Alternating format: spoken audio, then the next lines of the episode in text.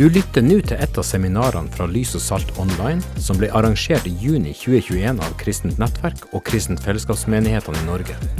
Hovedtema for seminarene er Guds rike, det begrepet som Jesus bruker når han formidler sin visjon for verden vi lever i. Sjekk ut nettsida vår lysogsalt.no, og følg oss gjerne på Facebook eller Instagram. God fornøyelse. Når jeg var tenåring, så kunne ikke kristne gå på diskotek eller på dans. Heller ikke på alkoholfrie diskotek eller danser for ungdom. Gjorde du det, da var du så godt som frafallen. I alle fall i de kristne sine øyne. Du var dømt. Og I gymtimene på skolen så kalte de eh, dans for rørsle til musikk. Og Det var fordi at de kristne elevene de kunne ikke danse, for det var synd. Og Det er ganske sprøtt å tenke på. En skulle nesten ikke tro at en leste i Bibelen, for der er det jo så mye dans og musikk. Hvordan er det mulig at vi kan lage regler som er så langt fra Guds ord, for så å dømme hverandre etter dem? Har vi i det hele rett til å dømme hverandre? Har vi rett til å lage regler for hverandre? Ha dette spørsmålet med deg når jeg skal lese fra teksten og skal snakke i dag. Jeg skal lese fra Matteus kapittel 5, vers 1-5. Døm ikke, så det sjølve ikke skal bli dømde. Etter dommen det dømmer med, skal det sjølve dømmes.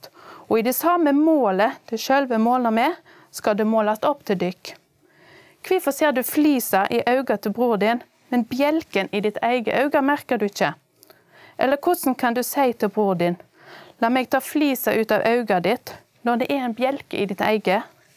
Din hykler, ta først bjelken ut av ditt eget øye, da ser du klart og kan ta flisa ut av øynene til bror din. Det er lett å like disse ordene fra Jesus, og det er lett å si seg enig. Og Ordene har blitt referert i mange sammenhenger, og ikke bare av kristne.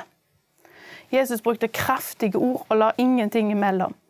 Når jeg ser hvordan han uttrykte seg, så tenker jeg at det må ha vært veldig viktig for Jesus å få fram denne budskapen. Det var jo heller ikke eneste gangen at han slo hardt ned på hykleri. Men hvorfor er det Hva betyr det egentlig å dømme? Hva er det vi gjør når vi dømmer hverandre, og hvorfor er det så feil? I norsk språk så bruker vi ordet dom om en rettslig avgjørelse som blir truffet av en domstol. En sier gjerne at dommen skal avgjøre saka sin realitet, og den er bindende for de som dommen gjelder. Målet er at dommen skal definere og skille mellom rett og galt. Og selvfølgelig så ønsker vi at den skal være rett. På mange måter så ligner dette på det som Bibelen skriver om dom. Men i motsetning til dommer i det norske rettssystemet og i menneskelige rettssystem, så vil Guds dom alltid være 100% rett. Guds dommer er endelige og kan ikke på noen måte ankes eller gjøres om. Guds dom er jo alltid rett, og har heller ikke behov for noen overprøving. Bibelen forteller oss at det er Gud som er dommeren. Og som vi nettopp har lest, så er Bibelen tydelig på at vi skal ikke dømme. I Jakobs brev kapittel 4 vers 11-12 så står det Det må ikke baktale hverandre søsken. Den som baktaler en bror eller dømmer en bror, han baktaler lova og dømmer lova. Men dersom du dømmer lova, da gjør du ikke det lova sier, men gjør deg til dommer over lova. Det er én som er lovgiver og dommer han som har makt til å frelse og til å ødelegge.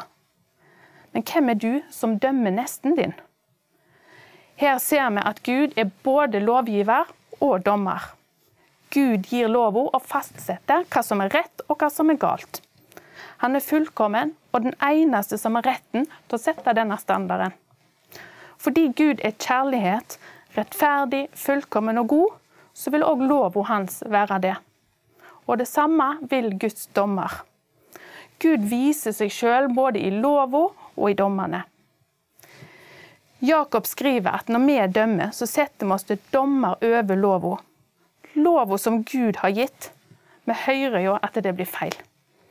I det øyeblikket en tror at en er så på linja sjøl at, en kan ta seg retten til å dømme, så gjør han altså en gigantisk bommert.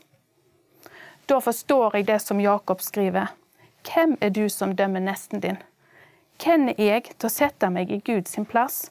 Snakk om skivebom. Men hva skjer da når vi dømmer likevel?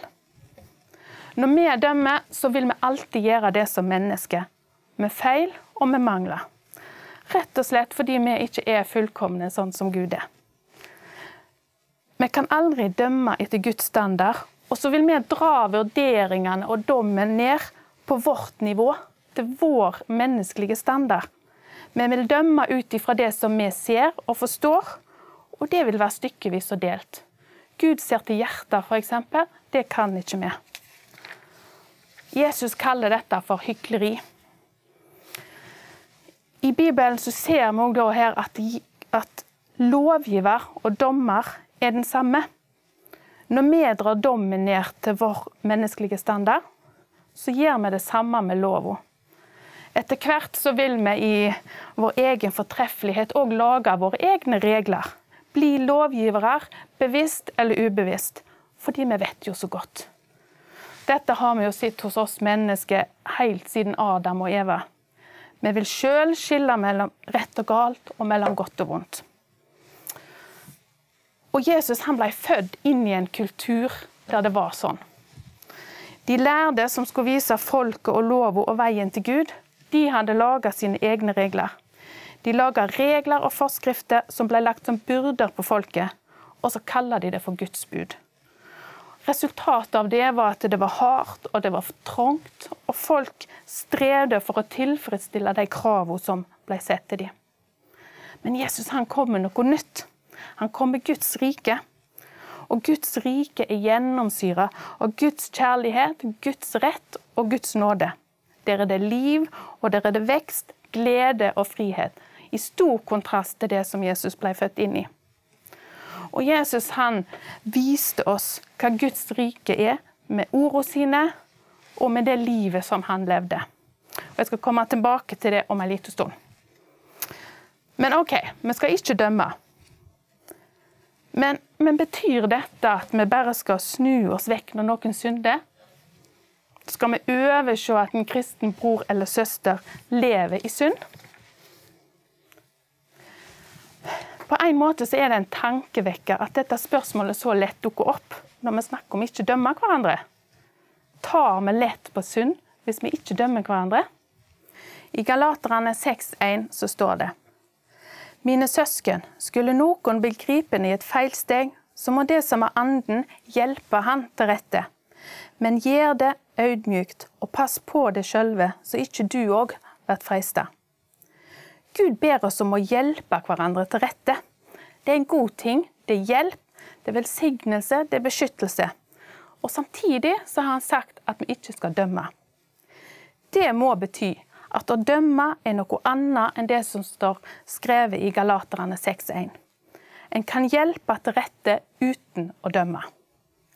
I en annen oversettelse så står det at vi skal hjelpe til rette med et ydmykt sinn.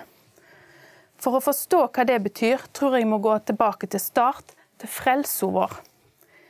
Ingen av oss strekker opp til Guds standard i oss sjøl. Vi er dømt, og dommen er knusende. Vi klarte det ikke. Men Jesus gjorde. Av Guds nåde og Jesu verk på korset, så kan vi komme frimodig fram for Gud. Vi har erfart Guds kjærlighet, nåde og frelse. Og denne nåden får vi lov å leve i hver eneste dag. Dette gjør meg ydmyk, og med denne ydmyke holdninga må jeg møte både Gud, meg sjøl og andre.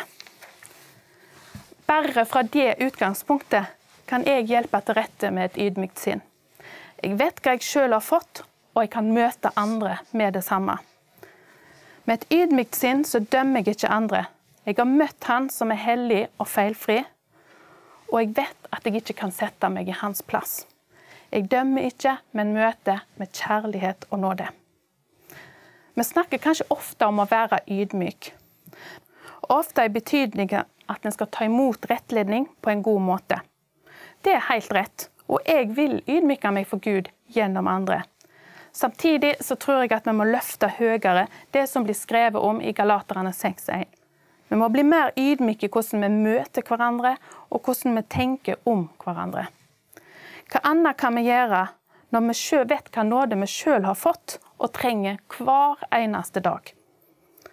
Ser du sammenhengen mellom det som Jesus sier om å ikke dømme, og det Paulus skriver om et ydmykt sinn? Guds rikes prinsipp kom nært og ble synlig for oss gjennom Jesus. Gjennom de ordene han talte, og det livet han levde. Jesus talte om Guds rike, og han viste oss hva det er. I Matteus 7,28, som avslutningen etter bergepreika, etter at Jesus bl.a. hadde befalt oss å ikke dømme, så står det Da Jesus hadde fullført denne talen, var folket fulle av undring over læret hans, for han lærte dem med myndig tale og ikke som de skriftlærde. I Message-oversettelsen så står det, med min egen oversetting, det var tydelig at han levde alt han sa, i kontrast til de religiøse lederne. Jesus talte med myndighet fordi han levde det han talte. Når Jesus sa at vi ikke skulle dømme, så kan vi se på livet hans for å forstå bedre hva han mente med det han sa. Og her er det mye å ta av. Historier om Jesus som møtte kvinner som var grepen i hor, har rørt meg mange ganger. Bibelen forteller oss at hun hadde drevet hor, hun hadde synda, og Jesus adresserte det òg som synd. De lærde sto klar til å steine henne, men Jesus stoppa alt med noen enkle ord. Den som er uten synd, kan kaste den første steinen. I møte med Jesus sin standard måtte alle legge steinene ned og gå vekk. Ingen var uten synd, og de steinene som sakte, men sikkert ville drept henne, måtte legges ned. Møtet med Jesus sin standard gjorde de ydmyke. Jesus han var uten synd og kunne ha kasta den første steinen. Men han gjorde ikke det han sa. Heller ikke det 'jeg dømmer deg'. Gå bort og synd ikke mer. Her viste Jesus oss hva Guds mål er frelse. Han møtte henne med nåde og med redning. Jesus viste omsorg og kjærlighet til kvinner som hadde hatt fem menn. Hun som måtte snike seg ut for å hente vann fordi folk rundt henne så ned på henne og forakta henne. Konsekvensene var evangeliet og frelse til hele byen. Og Jesus han besøkte og åt sammen med tollere, svikerne. De jødene holdt avstand til. Noen av dem gjorde han til og med til sine aller nærmeste. Og Jesus han valgte òg ut tolv vanlige menn som sine aller nærmeste. Menn med menneskelige svakheter. Etter tre år tett på Jesus så fikk de i oppdrag å gi budskapen videre helt til verdens ende. Jesus hadde trua på dem. Han så noe i dem. Og Peter, som den ene dagen hadde store åpenbaringer, mens han den neste bomma så fullstendig. Men Jesus han ga ikke opp noen pga. feil og mangler eller tilkortkommenhet. Han møtte dem på en måte som forandra dem og utrusta dem. Målet var frelse og redning, og det var òg det resultatet som Jesus fikk. Og jeg elsker den måten som Jesus møter mennesker på. Han møtte med kjærlighet, respekt, raushet, nåde og tilgivelse samtidig som han gav dem noe nytt. En vei vekk fra synd og inn i Guds gode plan. Han klarte å gi dem begge deler. Det var godt å være rundt Jesus, og folk samla seg rundt ham. Og resultatet? Mennesker rundt Jesus de vokste og ble utrusta. De ble utrusta til å leve ut det livet som han hadde lagt ned i hver og en av dem. Og resultatet av det blir det som vi ser i dag. Guds rike bredte seg. Jeg og du er her i dag. Dette livet som Jesus demonstrerte, det er vi kalt til å leve i dag. Og Det viktigste her er at det er et liv der Jesus er i sentrum. Vi retter oss etter hans standard og kan legge vekk våre egne regler og våre egne dommer. Sammen så lever vi videre det livet som han levde når han gikk på jorda. Det livet han viste oss, for han lever gjennom oss. Det betyr at vi kan leve tett, så tett at vi ser hverandre sine feil, uten at vi dømmer hverandre. Vi får leve i nære relasjoner der vi kan ta imot rettledning uten å kjenne på dom og fordømmelse. Fordi at vi møter hverandre med den kjærligheten og den nåden som Jesus har vist oss. Da vil vi erfare at rettledningen vil være velsignelse, fordi han hjelper oss til å leve på Guds måte, den beste måten.